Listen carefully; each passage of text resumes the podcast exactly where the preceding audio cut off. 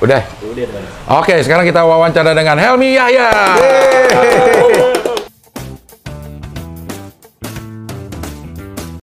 Di Wikipedia namanya pembawa acara politikus mantan direktur. Pekerjaan kok mantan direktur? mantan.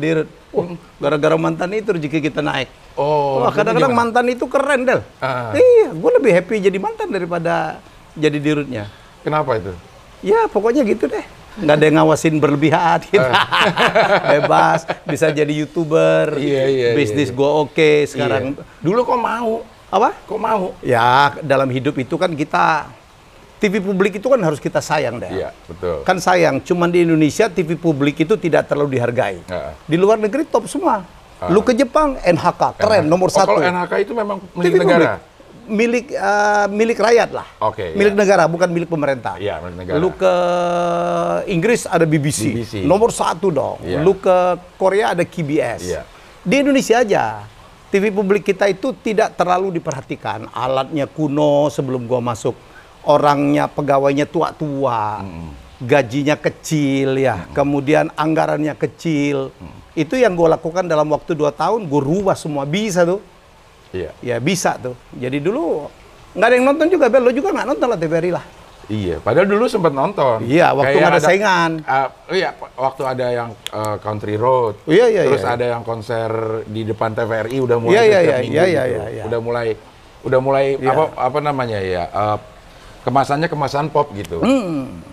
Nah, waktu ditawarin, Gue sempat nggak mau. nah, Sempat nggak mau sampai ada beberapa orang termasuk yang nyuruh gue itu yang sekarang ya itu udah nggak gue usah nggak usah gue bahas lah. Dia Iya. bilang "Ah, saatnya gue berbagi lah karena Oke. gue gede dari TV kan. betul, iya. Dulu siapa sih yang kenal Helmi Yahya, Iya. orang kampung datang ke Jakarta. Iya.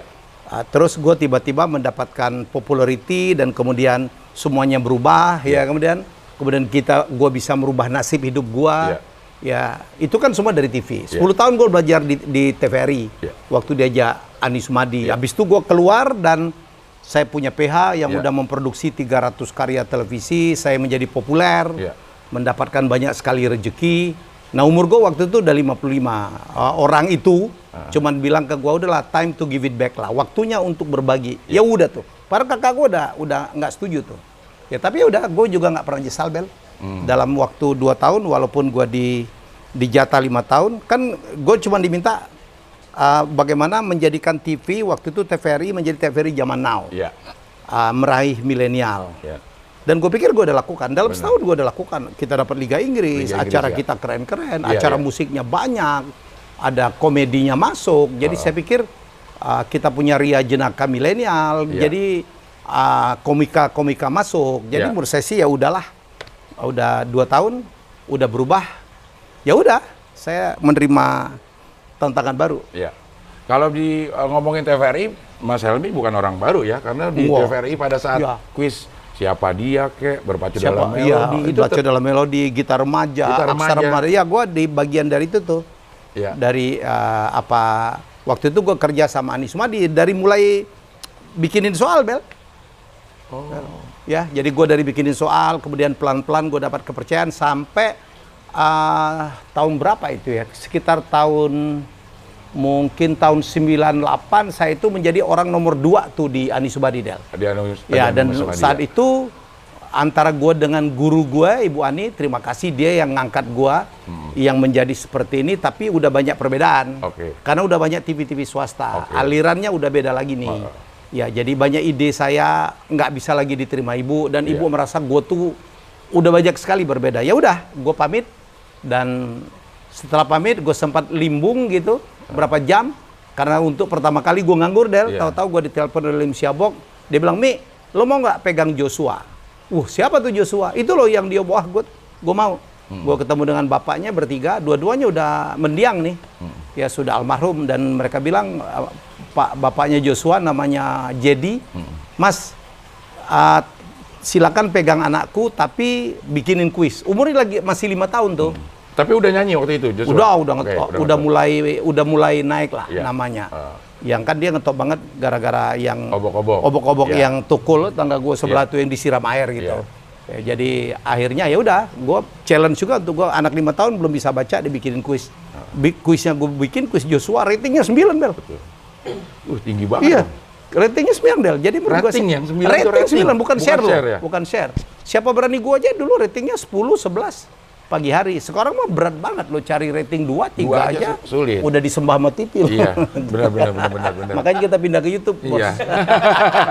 nggak ada nggak ada rating-rating kan, nggak ada share-share. Nggak- nggak ada meeting-meetingan juga udah. Kalau bagus bonus nggak ditambah, Iya. kalau jelek lo siap-siap bungkus. Iya. Mana kalau dulu kan eh, TV rating keluar hari Rabu doang per Iya, minggu sekarang kan? tiap hari. Sekarang tiap hari. Pucat loh. Iya iya. Dulu kita jantung kita hari Rabu, hari Hari- Selasa siap-siap tuh. siap-siap. Sekarang tiap hari loh. Waduh, makanya di YouTube kita enak banget ya. Iya, iya, kita iya. bebas mau ngapain, Iya, iya, iya. nggak harus. Ini gua kan pegang dua program TV ini sekarang. Sekarang Alhamdulillah. ini Iya, iya. sedang eh, running. Sedang, sedang running, sedang running. Satu tamu rahasia, Ah. kema- satu lagi after hours di iNews, satu lagi di GTV. Ah. Capek kita dan Iya iya. harus ngomong dengerin kata produser, Iya. kata kreatif, Iya. kata pengiklan, Iya. kata yang punya TV, gitu kan begitu di TV selalu begitu tuh. Nah itu posisi eh, Mas Helmi kan udah tahu semua nih. Iya ya. Ya udah dari bawah udah jadi FD juga Iyalah. pernah, Bikin jadi soal. bikin soal juga Bawain pernah. tasnya Bu Ani udah, udah pernah, pernah iya. semua. Bukan lu aja dari bawah, gue Iya. juga. Nah, Jangan bangga be- lo. begitu begitu di briefing orang gitu, Iya. perasaan gimana? Gue udah tahu gitu gak sih? Ya enggak lah, kadang-kadang kita harus ngikutin. Nah, ada kompromi itu, ya. kalau Del, waktu, lu kan 50, gue 57. Iya. Iya kan, gue 57 baru main YouTube tuh. Ah. Satu dunia yang menurut gue waktu itu nggak mungkin orang setua gue itu masuk YouTube. Ah. Udah terlambat gitu, dan gue gatek banget. Iya. Sampai ada beberapa anak muda gitu, sebagian junior gue di, di, di dunia televisi. Pokoknya Pak Dirut, mereka manggil gue tetap Pak Masih Pak Dirut? Masih. Oke. Sampai sekarang gue masih dipanggil Dirut Dirut. apa nih? TVRI apa RCTI? nggak tahu lah ini. Dirut di hati gue sendiri lah. Iya, iya, iya, iya. Jadi Pak Dirut, pokoknya Pak Dirut tinggal ngomong aja. Ah. Pokoknya alat dari kita, uh, kar- kru dari kita. Ah. Udah kita bikin, kita bikinlah Helmi bicara tuh. Iya. Tapi gue waktu itu nggak terlalu berharap juga lah ya. Hmm. Karena menurut gue ini dunia dunia sosial media itu adalah dunia yang sangat jauh tuh. Iya. Ya, Instagram gua udah kayak gitu aja followernya cuma 100 ribuan tuh. Iya. Beda tuh dengan ini anak siapa gitu udah 1,6, 1,7 Iya. gitu kontennya. Mohon maaf, ya begitu gitu ya. Tapi saya bilang dunia udah beda banget sama. Benar. dunia kita. Benar. Ih, begitu gue buka YouTube tuh Helmi ya bicara. Tiga minggu subs gue ada 100 ribu, gue dapat silver play button. Udah datang tuh silvernya? Udah, Iya, udah mantap, lama. iya. Ya udah 100 ribu tuh dalam tiga minggu Iya. gua posting tuh. Heeh. Sampai Ralph Tampu Bolon waktu itu ngewawancarin dua Mas Helmi. Mas Helmi itu termasuk orang tua, kurang ajar loh gitu. orang tua yang the fastest gitu. Iya, iya, iya, Salah iya, satu iya. yang tercepat mendapatkan silver play button. Iya, iya. Ya udah hari ini gua mungkin 8 bulanan ya udah 517 ribu Wih, gitu. mantap. Ada konten gua yang 3 juta lebih nonton. Mardigu kan Bosman Sontoloyo kan Iya. munculnya pertama kali di gua tuh. Iya. Sebelum Yang dia isinya daging semua. Daging semua. Iya, iya. Gara-gara itu gua dia dimusuhin itu orang vegetarian. Vegetarian. Nggak pakai sayur dikit juga. Kalau kita orang awak tuh jarang makan sayur kan? Iya. Iya, bini gua kan orang dari sana tuh. Ah. Makanya kan daging semua. Santan daging lagi. santan, daging, santan. Iya, tinggal nunggu pegal-pegalnya aja nih kita. Gitu, Del. iya, iya. Kayaknya kalau misalnya eh, dulu kita nih di zaman-zaman kita agak agak mudaan lah gitu. Kompetisi, kompetisi itu kayaknya jadi dunia gitu ya. Iya, iya. Kita datang dan harus siap berkompetisi. Betul. Kayaknya sekarang ini berubah nih. Setuju nggak Mas Helmi bahwa kita masuk ke dunia dan harus siap kolaborasi. Oh iya, iya. iya. Kompetisi sama diri kita sendiri Iya, aja iya, harus iya, lebih iya, bagus iya, dari iya. hari kemarin gitu. Karena dunia YouTube tuh bergeraknya cepat banget ya. Iya. Cepat banget. Ada pelambatan, kita harus baca data. Iya. Kita harus ngelihat trennya ke mana Iya. gitu. Kalau gue ditanya bagaimana saya bisa meningkatkan subscriber dengan cepat itu, Iya. kuncinya adalah apa kolaborasi. Iya. Orang yang pertama mau gua ajak kolaborasi itu subs gua belum belum 3000 itu adalah Tompi gitu. Tompi ya. Kan gua manfaatin lah karena hubungan deket ya. Ah. Betul, iya. Waktu waktu sebelum-sebelumnya saya sebagai apa bagian dari itu ya bisa begitu tuh. Mardigu itu adalah junior gua. Hmm, di? Ya. di kita dulu punya bisnis walaupun nggak jalan juga gitu. Ah. Ya udah udahlah saya alhamdulillah tuh semua pada bantu. Raffi Ahmad Iya. baru 100 ribu udah mau gitu. Jadi dia datang ke sini, gue mau undang ke sini. Ya alhamdulillah Raffi 2,1 juta yang nonton terus Ruben. Ya, sebagian juga kan orang-orang yang populer ada pengaruh, ada ada kontribusi gua lah. Iya. Ada Gilang Dirga, ada ada siapa lagi ya? Dokter Tirta malah. Iya. Kaget dia. Wih, ini Mas Helmi beneran. Iki ini iki itu katanya apa? Apa idolanya ibuku gitu. Oh. Akhirnya dia mau. Ibunya. Iya, ibunya. tua ya? Sekali agak-agak apa? Atau pujian tapi iya, hinaan juga. Itu antara mau muja sama mau Iya, ya kita biasalah berdua. ya. Banyak juga yang iri sama kita. Iya, Ini iya. orang tua kok masih bisa laku gitu. Nggak gampang, Del. Karena Iya. setelah gua meledak itu banyak lah, banyak orang-orang tua, Iya. politisi, tokoh-tokoh yang bikin YouTube gitu kan nggak nggak gampang gitu. Benar, benar, benar, Nggak iya. gampang. Jadi bukan berarti orang bilang, "Waduh, kan kemarin para YouTuber-YouTuber asli tuh, para para Asli. incumbent gitu, Iya. incumbent gitu. Para petahana itu kan sempat Mera- merasa terganggu Status terganggu, quo. status quo-nya. Begitu, Ya, ya. oh banyak sekali selebriti yang ngetop di TV, di sinetron, masuk ke dalam dunia YouTube. Eh, gue bilang, nggak semua juga bisa berhasil. Benar, benar. benar. Banyak yang jadi kuburan, bro. Benar, benar, benar. Ada kemarin ada ngajak kolaps gua ngetop, bro. Ah. Ngetop menang Panasonic juga. Begitu gua lihat, wih, apa subscribernya 156. Gue pikir ada K-nya, polos, bro. Polos, gitu. gitu. Terus dan YouTube itu sebaliknya. Uh, Andovida Lopez mengatakan uh, YouTube itu give the voiceless the right to speak. Ah. Ya, yang orang selama ini nggak Nggak punya bisa, media. iya. Dulu kan orang mau nembus TV susah, Pak. Susah, ya. Iya kan? Ma Eli aja apa si Eli Sugigi aja bertahun-tahun kan baru bisa ya. nembus gitu. Uh. Nah ini kan kalau YouTube kan kita bisa buka sendiri. Uh. Lu masih lumayan tuh ada tiga kru. Soleh Solihun datang sendiri. Iya, Tripod aja dia nggak beli. Pakai tangan Pakai tangan ya. Tripodnya Iya. tripod daging gitu Iya, bisa iya. dua jam gitu. Daging semua aja Jadi, itu Lu, jadi lu gak ada apa-apa aja lu. Ini karena mau ke sini aja mau mamer. gitu Dibayar harian itu, ini. itu hebatnya YouTube itu. Jadi kadang-kadang anak, anak dari kampung, anak dari Bali, pelosok gitu. Ah, Bisa ngetop gitu. Iya, iya. Hmm. Padahal dulu eh, apa namanya latar belakang pendidikan stan Stan ya, itu akuntansi, akuntan ya. Eh, ikatan dinas kan? Kereta dinas? Sa- Udah, udah, udah gue bayar. Waktu 2008 saya mencalonkan diri jadi wagub, gue bayar. Oh, Karena nggak pantas saja kan gue Oh, oh. apa kampanye berbulan-bulan. Betul. Ya jadi gue bayar. Oh. Udah udah beres gua. Sekarang saya jadi ketua ikatan alumni Stan. STAN. Ada 70 ribu lebih lah, mungkin 75 ribu anggota gua yang tersebar di seluruh seluruh dunia malah. stan ya. Iya, Kalau stan, stan itu lulusannya jadi apa sih? Harusnya. Eh, orang-orang yang mengabdi dalam bidang keuangan ya, dalam penyelamatan keuangan. Sekarang kan banyak sekali di BPK, BPKP, KPK, di Irjen-Irjen. Ah. Ya itu itu itu itu yang paling banyak. Tapi sekarang udah ada di mana-mana, ada di BUMN, Oh. ada yang di luar, ada yang pernah jadi dubes. Ah. Ya, jadi jadi lucu-lucu juga gitu. Oh. Kalau dubes sih memang belum belum ini ya, belum ada jalur yang khusus untuk jadi dubes. Ganti-ganti kan. Ada yang mau jadi dubes harus KNPI dulu, ada yang Dubes itu kan ada jalur Ada tentara. jalur jalur formal. Iya. Jalur jalur memang itunya ya. Eh. Jalur formalnya dari eh, teman-teman dari Kemenlu, tapi Iya. kan banyak sekali politisi, tokoh Iya. gitu yang itu akhirnya pertimbangannya apa sih kalau menurut Mas Helmi? Ya itu Diambil antara pre- presiden sama komisi satu lah yang menentukan komisi satu. Ah. Termasuk Tantowi Yahya itu, lu tahu Iya. Tantowi kan? Iya. Itu gua kenal dari kecil lah. Ah, iya Dulu kan, tuh- kakak adik sama Oh gitu ya, NPI, gue malah lupa malah. Iya, iya. Dia wakil ketua komisi satu, kerjaannya dia dulu adalah melakukan fit and proper calon-calon dubes. Dubes, oke. Ya, jadi biasanya di fit and proper di, diusulkan oleh pemerintah, di fit and proper oleh apa DPR, baru dikembalikan lagi ke presiden. Ah. Ya, untuk disetujui dan dilantik. Oh, jadi nggak harus memang praktisi uh, Enggak ini ya, politik luar negeri ya? Enggak lah, Peter Gonta pernah jadi dubes. Iya kan? Jadi apa Bang Hot Hotma siapa? Todung Mulia Lubis Todung- jadi dubes. oh, di- Astari Rashid iya. pernah jadi dubes.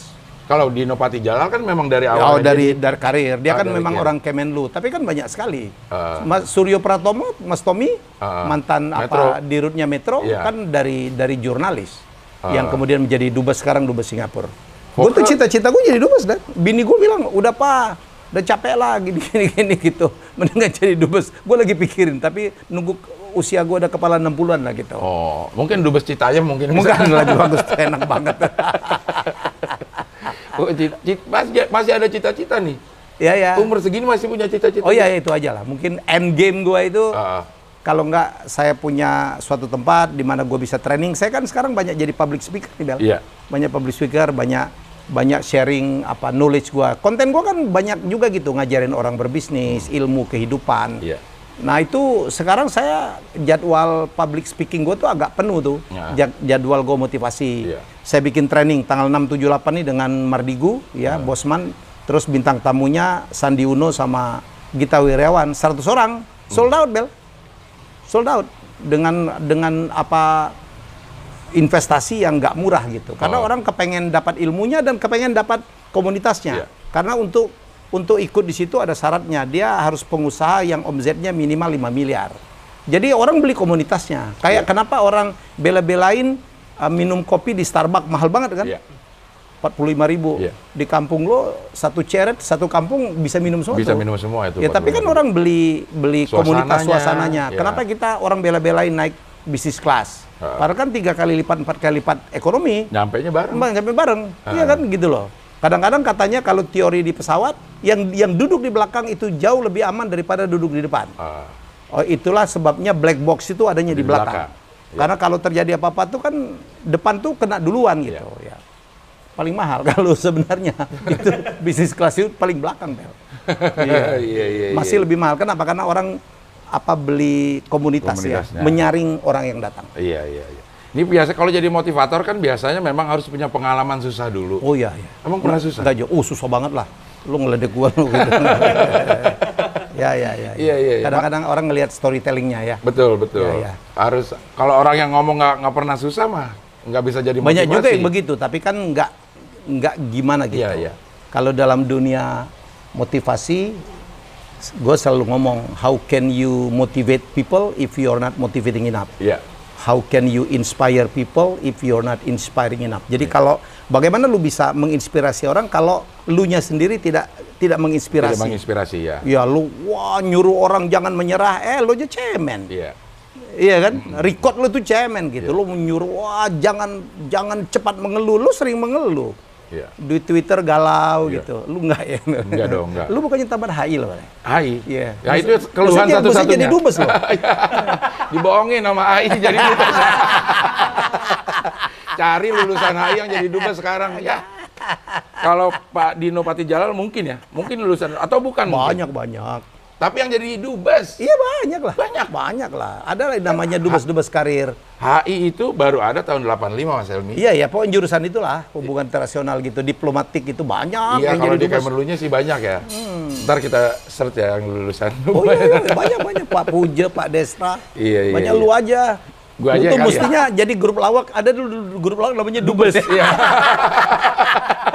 mestinya lu di situ tuh. harusnya di situ ya, iya, iya, iya, iya. Dulu iya. siapa aja dubes ya? Dubes Heru. Heru. Heru yang Heru keriting Dubes. itu Heru Dubes siapa lagi lupa namanya deh.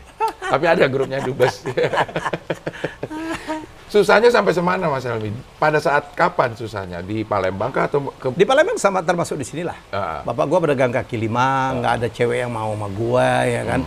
Kita nggak terlalu dikasih uang jajan. sebentar, nggak ada cewek yang mau itu jadi Oh, itu motivasi. Dendam gua, Bel. Gua 15 kali nembak cewek, 18 kali gua ditolak. Belum ngomong udah ditolak. Jom- Jempol nongol, bapaknya pedagang kaki lima, Iya, sampai iya. Dan gue tuh dulu masuk sekolah yang favorit banget, yang anak-anak pejabat orang kaya di situ semua. Iya. Terus gua ke Jakarta, pernah di PB. PB berat banget. Bapak gua udah sakit-sakitan kan? Ngirim wesel terlambat. Waduh, gue bilang. Dan gua anak paling kecil, kakak gua belum ada yang jadi, Tantowi belum jadi juga. Gue harus nyari gratis, sekolah gratis, makanya gue pindah ke STAN. stan karena Dan gue jadi pegawai negeri. Lo pikir berapa sih gaji pegawai negeri? Menderita gue bilang. Hmm. Menderita lah, hidupnya pas-pasan. Ya udah. Masuk ke. TVRI ketemu Bu Ani itu di mana? Saat apa? If, apa momen apa bisa ketemu? Waktu itu tahun tahun berapa ya? Tahun 80-an akhir gitu. Saya itu 87 sampai 90 kan gue kuliah lagi di STAN, Diploma 4. Ah. Kita banyak sekali bikin kegiatan-kegiatan uh, termasuk ada kegiatan jazz namanya Kampus Sunday Music. Ya. Itu terinspirasi Jazz Guste kampusnya UI. FA ya? Ya Eh, kampus kita kan ekonomi. keren, kampus kita kan di di di Punawarman, Iya. Kebayoran Baru.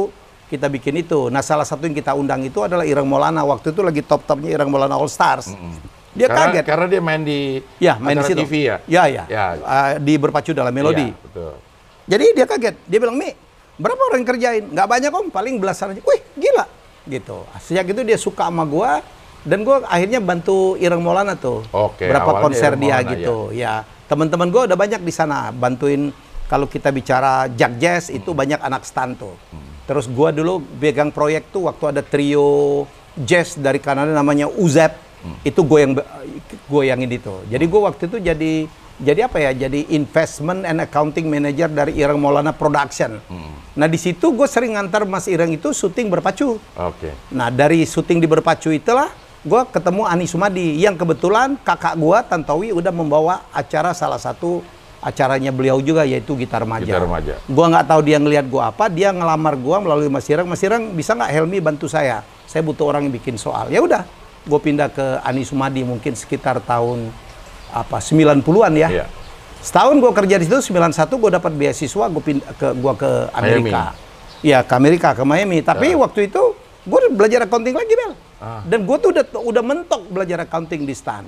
Oh. Dan gue itu kan dulu waktu di Stan itu kan kerjaan gue waktu tamat kan jadi asisten dosen dan gue jadi dosen di berbagai perguruan tinggi ngajar akuntansi. Betul. Jadi gue udah hatam tuh lima kali enam kali. Ah. Di sana gue belajar akuntansi ngulang lagi. Makanya gue banyak sekali apa kerjaan sampingan. Kerjaan sampingan gue banyak bel. Apa? Gue waktu itu nulis musik untuk majalah Hai. Kan gue yang ngelaporin Metallica, Palo Abdul, MC Hammer. Ah. Gue pernah wawancarain Metallica. Waktu Pernah- di Lebak Bulus. Waktu di Miami. Oh, Lebak Bulus itu gue yang bawa sebenarnya. Anjay. Ya, gue yang bawa karena Gua nonton dan mobil gua Iya, kebakar. Iya, udah. Gara-gara dia Memang gue suruh tuh. oh jadi tuh. si Metallica Ya kenalin dari gua. Kan wawan- wawancarin dia backstage. Waktu itu gua nulis untuk majalah Hai. Majalah Hai waktu itu dekat sekali dengan uh, Mas Seno kan, Setiawan Jodi. Iya. Akhirnya mereka jadi IO. Yang ngurusin kontrak segala macam gua.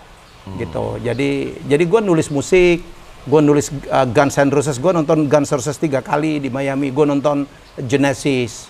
Gua kental banget gitu. Itu karena gua kepepet. Terus gua nulis NBA untuk majalah Hai Hmm. lulus NBA. Pulang-pulang gue jadi pembawa acara NBA basket. Padahal gue seumur hidup nggak pernah main basket. Ah. Gue nulis TV di tabloid Indonesia tuh. Eh, Ya jadi gitu tuh. Jadi karena kepepet, uh, gaji gue atau allowance gue kecil banget. Selama gue di Amerika, gue kerjanya banyak banget tuh. Tapi itu yang membuat gue jadi. Yang lu mau ngomong apa aja ayo. Mau ngomong American football, mau ngomong basket, mau ngomong lukisan, mau ngomong musik, mau ngomong TV gitu, mau ngomong kuis. Karena gue selama di Amerika tuh gue belajar banyak banget. hmm. Itu aja Bel. Jadi susah banget, susah hidup gua Bel, susah banget. Rumah, lu tahu gua eh, di Bekasi, gua pernah tetangga nama Vicky Prasetyo tuh. Oh. 8 kali gua ganti rumah. Cikarang. Ya enggak di Bulak Kapal sebelumnya. Oh. Bulak Kapal tuh. Oh. Gua pernah ngontrak rumah, gua pernah tinggal di BTN. Tantowi bilang kayak kucing beranak. Pindah-pindah. Iya, pindah-pindah. Ya, beli Iya, lagi. Ya alhamdulillah.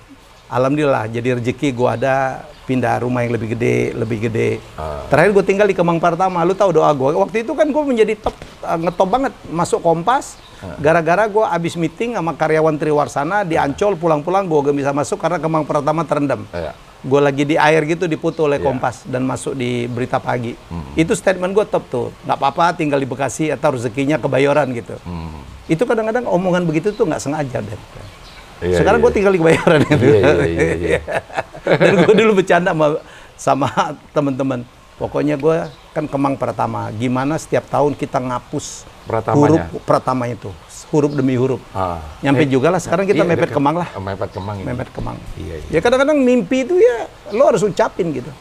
Satu Oh. saat tercapai. Percaya tuh kayak begitu. Kayak apa ya? Banget. Law of attraction gitu. Iya, law of attraction. Gue percaya banget. Hidup gue penuh dengan itu. Makanya lo mimpilah yang baik-baik. Oh. Gue percaya banget. Hidup gue kan penuh dengan itu. Kalau ngeliat perjalanan gue, bapak gue pedagang kaki lima. Tanto itu dari kecil tuh, kan kita ngisi buku kenangan tuh, Del. Ah. Buku kenangan tuh kan hobi, Hobi. warna Cita-cita, favorit, makanan cita-cita, favorit, ya. makanan favorit, Iya. musisi apa bintang idola gitu. Lo tahu cita-citanya apa? Apa? Pengen ngetop. Anjay. Ngetop dia, Akhirnya bener ngetop ya? ngetop. Di segala bidang yang digeluti Iyalah. dia ngetop. Lu nggak kenal Tantowi, nggak punya TV, lu rumah Benar, ya. Terutama benar. yang yang tua-tua. Yang Kalau yang tua-tua. muda, yang muda-muda nggak kenal dia siapa. ya. Iya, iya, iya. Yang mudah-mudahan nih sekarang kenal dia kakaknya Helmi. Helmi Haya. Kalau dulu kan Helmi Haya siapa? Adiknya, Adiknya Tanto, Tanto ya. Ya. sebel banget tuh. Jadi pernah kawinan nih Bel. Kawinan nih, gue ngawal ini dengan bini gue. Ah. MC-nya. Ini ini MC-nya pasti MC. Aduh. Gak mahal lah MC-nya. Gak bergaul gitu. Dia bilang, selamat datang Pak Tantowi dan Ibu. Terima kasih atas kehadiran. Hmm, gue udah males makan. Iya. Tiga kali. Tiga kali. Dia seneng banget. Helm ini apa Tantowi datang kan. Eh, Begitu di depan dia, lewat di panggungnya dia, bini gue ngomong, eh ini Helmi bukan Tanto. Lu tau gak dia ngomong apa? Selamat datang Pak Helmi Yahya, adiknya Tanto Wiyaya.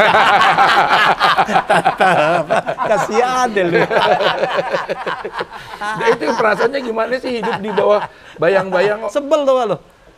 Sebel. Gue lima kali ke Starbucks, Bel. Iya. Untungnya muka kita populer gitu. Iya, iya. Ya nggak nanya Iya. nama siapa enggak. Iya. Begitu dulu lihat Pak Tanto. lima kali gue. Gue pernah posting orang ketawa. Termasuk istrinya Pak Tanto ngakak-ngakak ketawa. Tapi lebih mending lah disangka Tantowi. Gue disangka Temon. Temen tuh namanya Samson ya? Simpson. Simpson ya. Iya, Nggak iya. matching banget ya. Simpson tuh gimana? Iya, iya, oh lu rugi banget ya. Kalau gua untung kan, dipanggil Iya. Tato itu agak untung gua. Agak naik gua. Iya, iya, iya. Kalau Triwarsana masih ada? Eh, Triwarsana itu menjadi holding investment holding. Jadi kita tidak boleh produksi lagi Heeh. karena gua GV dengan MNC. Ah. Ya. GV itu joint venture joint ya? venture. Jadi Oke. kita buka perusahaan baru namanya Asia Media Production. Ah. Jadi diambil tuh IP-nya IP gue udah diambil semua tuh. Ah. Ya, apa ide apa hak-hak ciptanya diambil semua kecuali siapa berani. Terus sama orang-orangnya. Kebetulan yang running itu kan menantu gua. Itu jadinya Asia Media Production. Jadi kalau kita lihat di salah satu station masih ada tuh uang kaget, bedah rumah. Itu jadi PH-nya begitu, jadi joint venture. Asia Media. Production, AMP. Eh, sekarang Mas Helmi udah lepas ini sama sekali. Enggak, gue masih punya saham. Enggak, artinya dalam operasional. Masih, gue jadi konsultan, Ah. gue jadi kadang-kadang kreatif, mereka masih. eh, jadi saya jadi konsultan. Oke, ya. Udah Ini- jalan, anak muda udah jalan, bang. Kita Iya, udah iya. tua-tua, nggak nggak usah ngatur-ngatur lah. Nikmatin hidup aja. Nah, orang yang berpandang yang seperti Mas Helmi ini agak kurang kalau menurut gue ya. Apa yang udah tua, tapi mempunyai kesadaran untuk ya, ini waktunya yang muda. Oh iya iya iya. Gue ngalamin banget. Gue sekarang kan pegang 8 perusahaan nih, Mon. Ya. Apa Om. boleh, Bang? ah, sorry, Ya sorry. nggak apa-apa, lupa ya. Gue belain lo, Mon. Iya, iya, iya, iya. Lu di mana sekarang? Adil nggak ngajak lu nih, Iya, kurang ajar. Dia sibuk. sibuk nyari job. Bareng sih. Gue doain lo, Mon ya. Amin, amin, Oke, amin. jadi apa? Gue sekarang bikin terlibat lah ya, terlibat dalam beberapa perusahaan. Ada yang gue diajak di tengah, Iya. ya jadi advisor, jadi komisaris. Gue baru mendirikan dua perusahaan baru tuh. Hmm. Ya, satu perusahaan yang itu Ya. kayak kayak apa ya? uh, kita memanage konten-konten creator gitu. Karena kita tahu banget ke depan itu apa media buying, apa iklan-iklan itu Ya. udah pindah ke influencer. Jadi namanya R66 gitu sama beberapa orang. Wah, keren Mon. Belum eh, Mon lagi, Bel, Del. Gak apa-apa Mas Tanto. Aja. Ah, gue untung.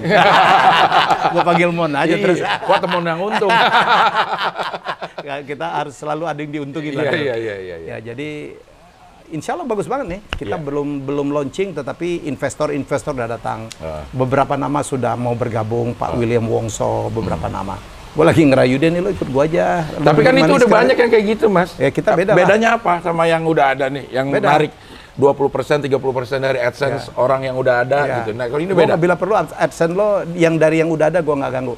Oke. Bedanya lo tau apa? Apa? Di sana nggak ada Helmi Yahyanya. Oh iya. Karena gue turun langsung bos. Iya, iya, iya. Dan kita sesama youtuber, Iya, iya, iya. apa suka dukanya kita tahu. Tahu, benar benar benar. Nah itu aja bedanya. Tapi kita akan beda juga di merchandising. Kita urusin semua sampai ke pabriknya. Ah. Dan kita apa ya kalau collab semua menawarkan kolaborasi ya. Iya, iya. Itu aja di sana nggak ada Helmi Yahya, di sini ada Helmi Yahya. Dan gue turun langsung. Iya, gue ketemu dengan Denny Sumargo. Iya. Ya kemarin dengan Mary Riana, insya Allah akan gabung gitu. Om William Wongso akan gabung. Gofar gue lagi ini. Udah lalu duduk manis saja lo kerja aja dan mereka jangan ada yang dipecat. Ini lucu-lucu nih. Iya, memang saya nyari orang tuh yang lucu-lucu aja Iya, karena orang yang lucu-lucu, yang gampang dibohongin.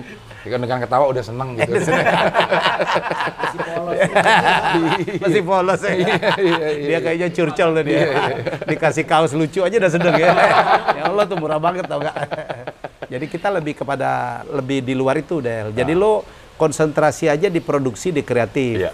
Tapi kalau uh, talentnya butuh untuk kita bantu ya kita bantu. Kita punya studio, kita punya Oh, peralatan. hardware-nya juga disediain. Oh iya ya, kalau dibutuhkan. Tapi kan kalau youtuber kan Betul, individual kan. Benar, benar. Kayak lu kan produksi nih, Soleh Solehun nggak butuh siapa-siapa. Iya. Dia sendiri tuh. Dia Iya. cuma butuh tangannya doang. Sama endorse uh, baterai. Ya, itu doang. itu apa namanya? Itu, itu power kan- bank. Itu dia kerjain sendiri juga. Iya. Iya. Itu itu memang apa pelit kali ya Soleh. teh? Eh, Soleh itu uh, Nggak mau bagi orang kali? lebih ke gaptek sebenarnya. Gaptek? Iya. Bukannya pelit? Bukan, dia Iya. bukan pelit, cuman perhitungan. Tapi dia nggak ada AdSense loh. Apa? Uh, apa dia? AdSense dia nggak ada. Nggak perlu. Udah mati dia. Nggak perlu dia, nggak diurusin. Nah Iya. itu yang begini yang kita akan urusin bos. Karena kita dekat dengan dengan teman-teman YouTube. Kan Iya, gue iya, bilang, iya. le sayang loh. Dia itu Soleh itu lucu. Jadi Hmm. itu sebagai kita bilang youtuber paling sombong sama Dani kalah Soleh Solihun. Iya, iya, AdSense aja dia nggak peduli. Benar. Iya. Dan dia terus saja produksi.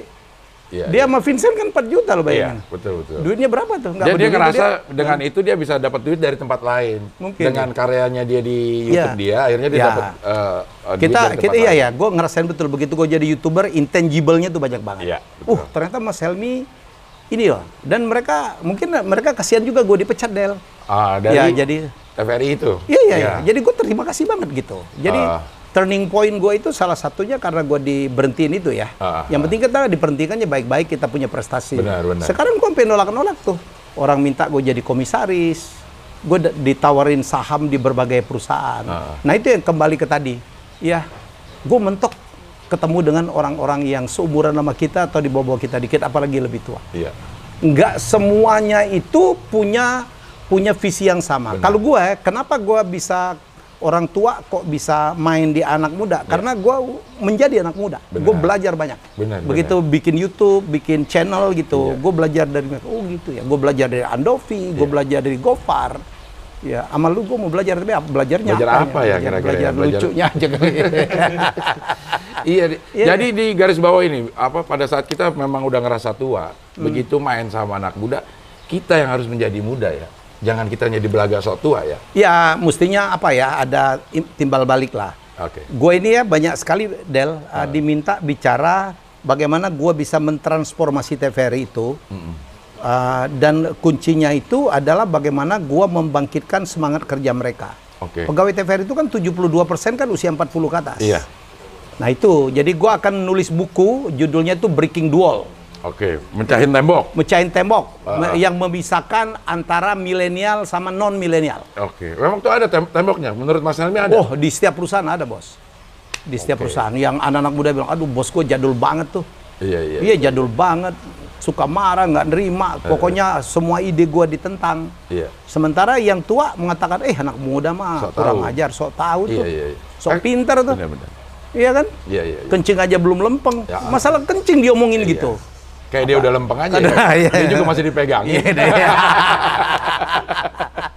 Jadi yang begitu tuh, padahal ini kan sebenarnya Del cuma masalah komunikasi aja. Iya, Bagaimana kita saling saling menghargai. Iya. Ya, jadi itu dia. Oke, iya, iya, iya, iya. Sekarang YouTube udah berapa? Udah eh sebentar ada ini. Apa-apa. Ada pesawat. Emang ini dekat Halim? Jauh lah. Halim Tapi- 9 bulan.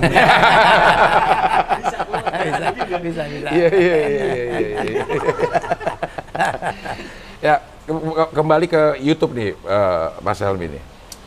Sebenarnya menurut eh, Mas Helmi peluangnya tuh sebesar mana sih? Orang-orang udah nyangka 3-4 tahun lagi TV bakal mati Iya, iya, sama iya. YouTube. Makanya gua tadi pagi posting gitu. Jadi media di persimpangan jalan ya. Iya. Jadi kita udah ngelihat itu. Kita melihat saya baca artikel bahwa apa pemasang iklan pemasang iklan besar itu sudah shifting gitu, sudah menggeser budget promosinya itu tidak lagi ke media konvensional tetapi kepada influencer-influencer. Maka di orang sekarang yang menentukan pembelian itu sekarang ya kalau nggak salah lebih dari 50% pembelian itu ditentukan oleh endorser, bukan lagi dia baca iklan di di media-media konvensional. Oleh karena itu kan sekarang apa raksasa-raksasa giant-giant itu udah invest. Kan ada perusahaan besar dia mensubsidi perusahaan-perusahaan konten kreator. Kreator, ya. Ya termasuk perusahaan gua yang namanya R66 itu sangat diuntungkan oleh itu. Tiba-tiba ada investor besar datang. Gue belum bisa umumin ya. Perusahaan gue lucu, Bel. Itu perusahaan kita tuh seeds ya, di awal banget tuh, belum ngapa-ngapain gitu. Akte aja belum kelar, investornya gue udah dapat. Ya, begitu gue tanya kenapa? Karena satu mungkin mereka ngelihat ada guanya. Tapi Gue bilang enggak lah. Iya, gue menjadi faktor. Kalau gue kan kayaknya ngajak siapa, ngajak siapa kan mereka percaya. Karena gue adalah bagian dari youtuber. Kemarin gue baru saja ketemu dengan apa Mary Riana dengan suaminya Alfa. Wah, gue tawarin gitu. Kita akan ada program bareng dan gue tawarin lo mau nggak gabung dengan MCN gua. Walaupun kita belum MCN, MCN itu kan perlu waktu dari YouTube. Kita kan be- belum jalan nih.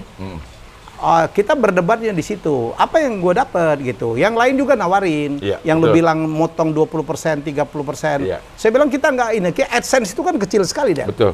Yang gede itu kan lah endorse. Ya. Ya, ini nggak bayar, Enggak, nggak apa-apa lah. enggak. Semoga ada insaf bayar Iya, loh, betul, pegang betul, ini ya. betul. Jadi gedenya kan dari iklan yang masuk, Ah. gedenya dari merchandising. Kita tawarin itu semuanya revenue sharing. Eh, Gitu. Adel tuh misalnya apa ya? Abdel punya apa ya? Misalnya gue buatin, karena banyak juga pengusaha UKM udah merapat ke gue nih yang herbal-herbal. ya, ya, ya. Ya, gue juga lagi akan dibuatin satu produk gimana orang usia di atas 50 masih on, Ya. masih bisa mikir gitu. Zaman dulu kan ada gibolan tuh kan. Gibolan ya. Kayaknya akan ada gitu. Kalau lu mau gabung sama gua kita bisa bikin produk-produk yang kayak gitu. Misalnya kapsul apa jamin lucu gitu. Minum itu jadi lu gitu lucu, bisa bisa plesetan, cepet banget gitu. Balik-balikin logika orang. Bisa jadi tuh. Iya, iya. Duitnya gede dari situ Gede dah. ya, iya, iya, iya. Nah, pemikiran yang kayak begini kapan hinggap di eh, Mas Helmi ini? Begitu masuk ke YouTube atau sebelum udah Oh, masuk? gue tuh kadang-kadang lucu dah leh. Ah. Dari diskusi sama orang aja, hah, gue dapat ide. Ya, Hmm. gue tuh mungkin udah terlatih ya, udah terlatih. Memang gue bergerak dalam industri kreatif udah Hmm. puluhan tahun. Bayangin gue udah bikin acara TV mungkin lebih dari 200 sudah. Iya. Gue udah jadi IO gila-gila Del. IO gue IO mungkin gue pernah jadi IO bukan cuman ngangkatin kabel ya, gue yang mimpin ya. Uh, dua kali pembukaan penutupan PON, Pon. Uh, satu kali SEA Games di Palembang. Ah, satu lagi jadi menteri loh. Iya. Asian Games. Ah, loh. enggak. Satu tingkat lagi, Mas. Temen kita. Iya, iya, iya. iya. Lo jangan mancing-mancing lah. ya jadi menurut gue sih proses kreatif gue ya. Gue pernah bikin skenario film, nulis buku gitu. Jadi menurut saya sih udah cukup panjang. Jadi Hmm. Oke. membuat gue tuh terlatih banget tuh. Hmm. Terlatih banget. Pokoknya ngelihat apa juga tuh, oh bisa jadi, ide. responsif lah dengan oh sangat sangat. dengan Jadi ini sekarang banyak nih anak-anak muda termasuk Gofar kemudian Iya. datang Par, lu mesti giniin Par, mustiin giniin. Oke. Nah background gue sebagai alumni STAN Eh. yang sangat kuat. Kadang-kadang banyak apa pemilik ide itu kan anti anti kuantitatif tuh dah. Iya. Ya orang-orang yang nggak tahu gue otak kanan atau kiri gue nggak Iya. tahu lah. Oh. Orang-orang kreatif itu kadang-kadang kan ngitungnya kan nggak bagus tuh. Iya. Nah gue itu bisa balance tuh. Oke. Dulu itu juga yang membuat PH gua dulu Triwarsana itu bertahan. Ah. Jadi kalau gua datang, gua pernah diundang oleh ibu-ibu. Dia mimpin satu brand besar. Se- uh, sekretarisnya bilang, Mas Elmi nanti bawa beberapa proposal ya. Oh proposal apa? Gua nggak tahu ibu lo mintanya apa. Oh nggak bisa mas, harus itu ibu harus tahu dulu. Gue bilang nggak jadi juga nggak apa-apa gitu. Ah. Karena how do I know gitu. Gue bawain bis, ibu lo minta Metro Mini Betul. gitu. Iya, iya. Udah ketemu aja dulu. Kalau nggak juga nggak apa-apa. Gue gua nggak bisa nebak. Gue bukan dukun. Gue nggak bisa nebak kebutuhan ibu lu apa, perusahaan lu apa. Lu Oke. brief dulu gua. Oke. Akhirnya ini ketemu tuh. Ah. Akhirnya ibunya bilang ya udah. Gue suka tuh kalau itu. Ini baru true creator gitu. Udah ngobrol setengah jam. Ibu mau apa? Target marketnya apa? Tujuannya apa? Spek barang yang mau dipromosin apa? Habis itu gue Ibu mau nggak gue bikin gini nih? Ah itu mau tuh. Oke bu. Besok gue kirim proposalnya. Budgetnya berapa? Gue udah bisa nyebut karena gue akuntan. Coba kalau orang lain disuruh orang hitung dulu, gue mah cepet banget. Ya, jadi jadi itu jadi bedanya. Jadi orang bilang Helmi dulu kan salah masuk jurusan, kenapa dia masuk stan gitu? Kalau dia jadi pedagang, Iya. ya pedagang seni lagi. Ah. Gue itu adalah pedagang barang seni yang fundamental keuangannya tuh kuat banget. Gue sedih Del sekarang anak-anak bikin UKM, bikin Iya. startup, Iya, iya, ngitung keuangannya tuh nggak jago Del. Dia nggak tahu harga ngitung harga pokoknya berapa. Dia nggak Ah. kalau kita nggak tahu ngitung harga pokoknya berapa, kita tidak akan pernah tahu kita untung atau rugi dalam satu transaksi. Ah, Itu yang membuat gue bertahan. Makanya sekarang gue sharing tuh banyak ke UKM. ke UKM, gue bikin konten-konten di di online gitu. Ah. Eh, lo boleh lo kalau lo mau jadi pengusaha, ide keren, cara jualan harus keren, tetapi ngitung itu wajib. Karena lo begitu mentok ke investor atau ke bank, mereka tanya, gimana laporan keuangan? Lo untungnya berapa? pasti harus dijawab. Jadi nggak cukup wah ide gue keren doang nih. Dan ini juga yang kita lakukan di perusahaan gue yang baru ini. Kita CR66, RC66. Lo tahu namanya RC66 kenapa? Route 66. Iya, karena pendirinya adalah pokoknya mimpi kita begitu ini jalan kita akan nyetir dari Chicago to LA. Stop stop dan bikin vlog. Kalau kalau mau ikut ikut. Lagunya The Rolling Stones itu. Lagu Rolling Stone sama sebelumnya Nat King Cole. Itu dinyanyikan lagi Iya, cover version banyak. oleh Rolling Stone. Iya, pertamanya Nat Beda King ya Cole. kalau gua taunya Iya, Rolling iya. Stone-nya dia Yang Nat King menunjukkan Cole. Iya, umurnya. iya, iya, iya. Padahal Iya, beda iya. berapa tahun sih. Dia mah tuir juga gitu. ya. Iya, Lu iya. tuh peralihan banget 50 gitu ya? Hah? Iya kan? Iya. 50 kan? Iya. Life begins at 50. 50. ends at 51. Iya. Berakhirnya 51. Nggak ada ur- u- Iya, iya. umur itu urusan kedua lah deh. Benar, itu hanya bentuk angka aja. Angka aja, tapi nyakitin kan dipanggil orang tua. ah, Ya, ah, tetap malu juga sih kalau. Yang penting anak muda tuh nerima kita deh. Benar. Ya gue tuh sekarang dipanggil di mana-mana. Gue lucu deh. Iya. Gue tuh seperti Ribon. Dulu gue meledak waktu siapa berani. Sekarang Iya. gue ke mana-mana tuh. Om, gue nonton lo kontennya keren deh om. Waduh, gue sih. Wih, Ada kebanggaan yang beda ya? Wah beda, beda banget. Lebih beda. Kenapa ya? Kita sebagai bintang TV, gue dulu gila deh. Lu, ba- lu kebayang sendiri. Iyalah, udah Gua pasti. mah pegang empat acara ya, mungkin dulu kayak Raffi sekarang lah dulu Iya, gue ya. Gue iya. pegang lima acara nggak pulang segala macam. Se- Beda gitu. Kalau di TV itu kan indirect. Iya.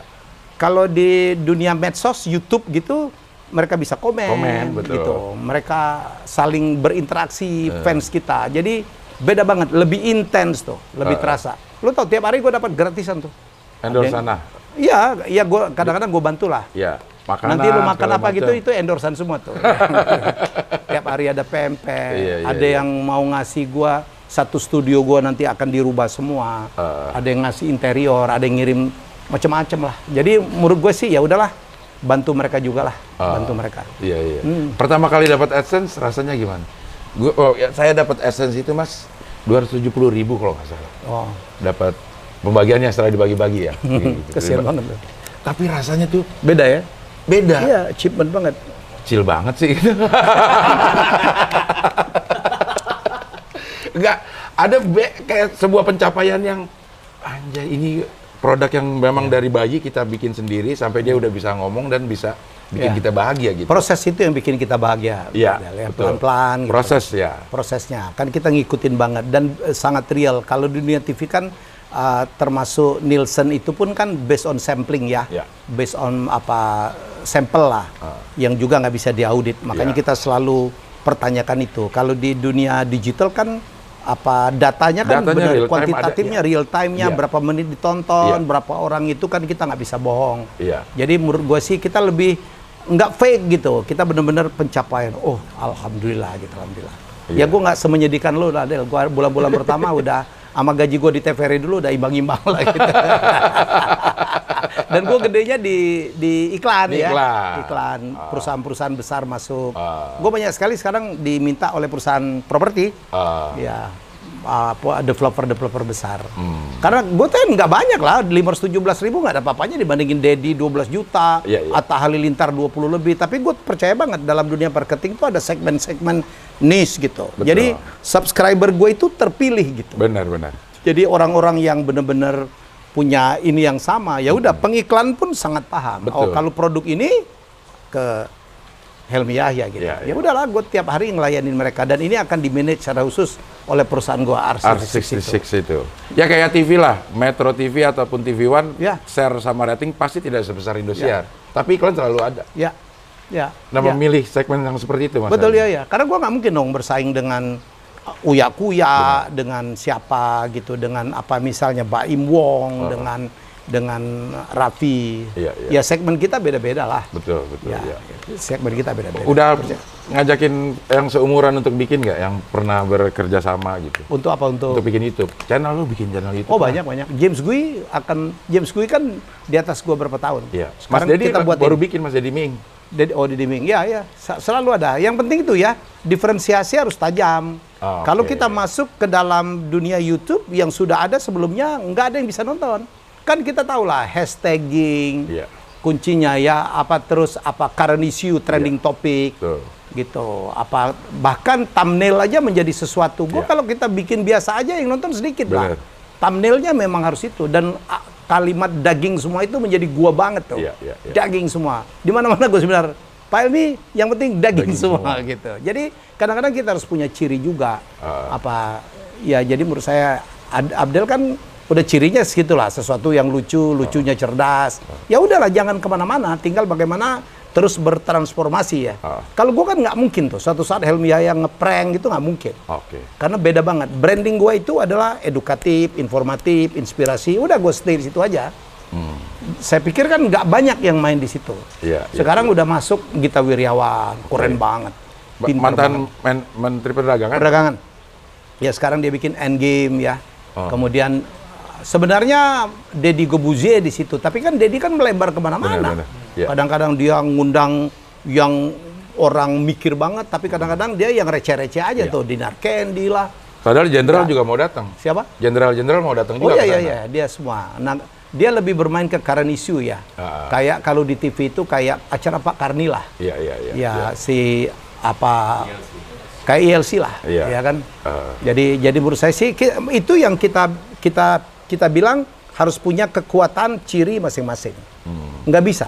Dunia media sosial itu Del, dunia digital itu bahkan hanya mengakui orang nomor satu dan orang nomor dua doang. Nomor tiga pun udah nggak diperhatiin orang Udah lagi. nggak diperhatiin ya. Ya, jadi artinya apa? Kita, gue setuju banget waktu Panji dalam salah satu salah satu panggungnya dia ngomong dan gue pakai itu di seminar mana-mana. Yang dia bilang sedikit lebih beda lebih baik daripada sedikit lebih, Lebih baik. baik. Iya. Ya, sedikit lebih beda. Diferensiasi tadi ya. Ya diferensiasi. Gue kan lagi nulis buku. Dua Iya. minggu lagi gue bikin buku apa personal branding yang judulnya Who the Hell Are You? Ah. Dan gue pakai banget. Lu harus punya perbedaan. Oke. Kalau enggak, lu nggak akan bisa kelihatan. Nih MC, ada 40 jenis MC kali Indonesia, Iya. nggak bakal ketuker. Ya kapan orang milih Ferdi Hasan, Iya. kapan orang milih ah, Cing Adel, Iya. kapan orang milih apa Raffi, kapan orang milih Helmi Yahya. Robi Purba, VJ Daniel, kapan orang milih misalnya si Melanie Ricardo, itu nggak ketuker tuh. Jenis acaranya yang menentukan, oh gue butuh MC yang seperti ini. Misalnya di acara yang dibutuhkan MC-nya bisa dua bahasa. Ya kan orang udah tahu tuh Iya. butuhin ke siapa. Jadi menurut saya sih sedikit lebih bedanya yang syukur-syukur bedanya banyak Ya. gitu loh. Dan lebih baik syukur-syukur juga. Udah Iya, beda dan syukur-syukur. lebih baik. Gitu. Wah itu mah keren banget. Keren banget gitu ya. Kayak dulu kan penyanyi dangdut banyak, tapi Indul tuh kan punya Beda. beda gitu. Goyang ngebornya. Ngebornya. Iya, iya. Terus iya. ada ngecor gitu-gitu Iya. kan. Lama-lama dangdut bisa bangun rumah tuh udah ada Iya, ngecor, ngebor. Iya. gergaji udah ada. Lengkap tuh. Lengkap ya. Makanya Tapi dulu- itu itulah branding ya. Itulah branding. Itu yang gua gua pertajam betul di buku gua. Oke. Pa- Semua apa bidang bisa harus punya branding ya. Oh iya, oh iya, oh iya. Ustadz aja macam-macam branding. Brandingnya macam-macam. Ada Uje, ada Iya, iya. Yusuf Mansur, Iya, ya. iya, iya. iya. Ada Ali Jaber gitu. Mama Dede. Ada Mama Dede. Eh, Mama Dede apa kabar? Baik kan. Masih bagus di semua. TV One Mas. masih Gitu. lah. Nanti kita bahas lagi itu. Iya iya iya. Oke ini pertanyaan terakhir untuk Mas. eh, Serius nih terakhir. Ya terakhir, ya kan. Abis ini mau bikin ini. Gue datangnya kecepatan di sini. Gak apa-apa, Den. Eh, pertanyaan terakhir buat eh, eh, Mas Helmi. Kalau ada orang datang mau masuk ke City City Six, udah settle atau ada MCN yang minta channel yang udah settle. Ini ada yang baru pengen masuk ke Ya tergantung potensinya. Karena Oke. gua kan gue tahu ada MCN yang pegang 700 konten creator ya. Iya. Kita mungkin nggak begitulah. Kita lebih kepada yang terpilih aja lah. Kan dari banyak untuk apa? Kalau Pareto-nya misalnya yang sukses cuma 20%. Tangan kita terbatas, kita akan memberikan pelayanan eksklusif, gua nggak banyak. Jadi kalau ya kita ada yang kita jemput bola tuh. Ya. Kemarin gue sempat nawarin Jota Slim karena dia belum digarap, tapi gue tahu potensinya kuat. Betul. Until dia bilang, Kando, uh, kayaknya manajemenku mutusin belum mau main di medsos ya sudah. Oke. Jadi kita ngelihat, kita punya perhitungan karena saya saya target dalam tiga tahun saya punya 100 konten creator yang sangat kuat bergabung dengan dengan saya dengan semua segmen. It's like a magazine. Oke. Ada news, ada cooking show, ada fishing, ada gardening, ya kan? Ada properti, ada bisnis, ada finance, ada fashion, Komedi nggak disebut? ada komedi. Ah. Ya, gue mancing aja. Nggak masuk. Bener, bener, Del. Gue berharap banget. Karena komedi itu, kalau menurut researchnya, itu adalah top 5 dari konten yang sangat di, ditunggu orang. Disukai, ya. Nomor satu tuh musik lah. musik iya. nomor dua film, kemudian komedi. Jadi walaupun lu nggak berani live kan Berani sekarang udah. sekarang. Ah. Baik. Kalau bayar ini cukup sih. eh sekarang nggak jadi terakhir deh ngomongin tentang komedi. Pandangan Mas Helmi sama komedi. Udah ada stand up komedi di TVRI juga manggil anak stand up Gilbas, Arif Didu, Ya. ah, Ence Bagus ya, Babe untuk main di ini. Emang ada orang yang nggak terbuka dengan datangnya jenis komedi yang baru. Tapi Mas Helmi sepertinya lebih merangkul. saya itu adalah orang yang tidak pernah tidak pernah mau menentang perubahan. Oh, Banyak orang yang berusaha menentang perubahan, nggak bisa Del. Ah. Dunia itu berubah. iya, iya, iya. Kalau kita bicara komedi aja kan bertransformasinya kan gila ya. Iya, iya. Dari grup sekarang menjadi solois-solois Iya. gitu. Menjadi yang disebut dengan stand up komedi yang Iya. monolog gitu. Itu nggak banyak itu yang orang mau gitu. Ah. Nggak banyak orang yang mau diajak berubah gitu. Nggak berubah comfort zone itu kan susah. Betul. Tapi di situ del kunci orang yang mau bertumbuh, yang mau sukses. Oke. Kalau lu nggak mau uh, menerima perubahan, apalagi nggak mau melakukan perubahan, udah selesai. Lu di situ-situ aja. Mungkin lu akan ditinggal. Saya adalah contoh nyata di mana usia tidak menghalangin gue. Gue tahu banget bahwa wave-nya, gelombang itu datang. Oke. Dan kita nggak bisa menahan wave. Yang harus kita lakukan dengan kemampuan kita, dengan pengalaman kita, ya, dengan pengaruh kita, yang orang bule ngomong we have to rule the wave. Bagaimana kita mengontrol wave itu? Iya, iya. Ya sekarang saya sangat menerima tuh. Denny Sumargo, siapalah gitu ya. Ah, open-openan aja kita nggak ada masalah. Tapi yang kita penting saling menghargai, saling menghormati dan komunikasi. Nggak ada yang lebih pinter di dalam industri apa pun. Oke. Bener dahulu, belum tentu bener, Bener sekarang. sekarang. Iya, iya, iya. Iya. Nah, itu aja. Oke lah. Memang daging semua nih sih. Daging semuanya. Oke, terima kasih. Mas Elvi sukses terus. Mudah-mudahan R66 bisa segera launching. Hmm. Dan tiga tahun udah dapat 100 konten kreator. Jadi deal kita ya. Kayaknya sini. Kita hitung-hitung dulu karena oh iya, kebetulan nggak bakal tahu gue tahu lo orang Padang. Iya, iya, iya. Perhitungan. Bini gua Padang juga gitu. Iya, orang Padang kan gitu kan. Pandai dagang. Iya, bukan pelit tapi perhitungan. Jadi kalau makan di restoran sama orang Jawa, sama orang Oke. Medan, sama orang Sunda, makan bareng. Yang hitung dia, yang bayar orang lain. itu itu gitu kan. iya gue. Itu gue. Oke, baik terima kasih Mas Helmi. Sampai ketemu lagi di tamu. Makasih berikutnya. semua ya.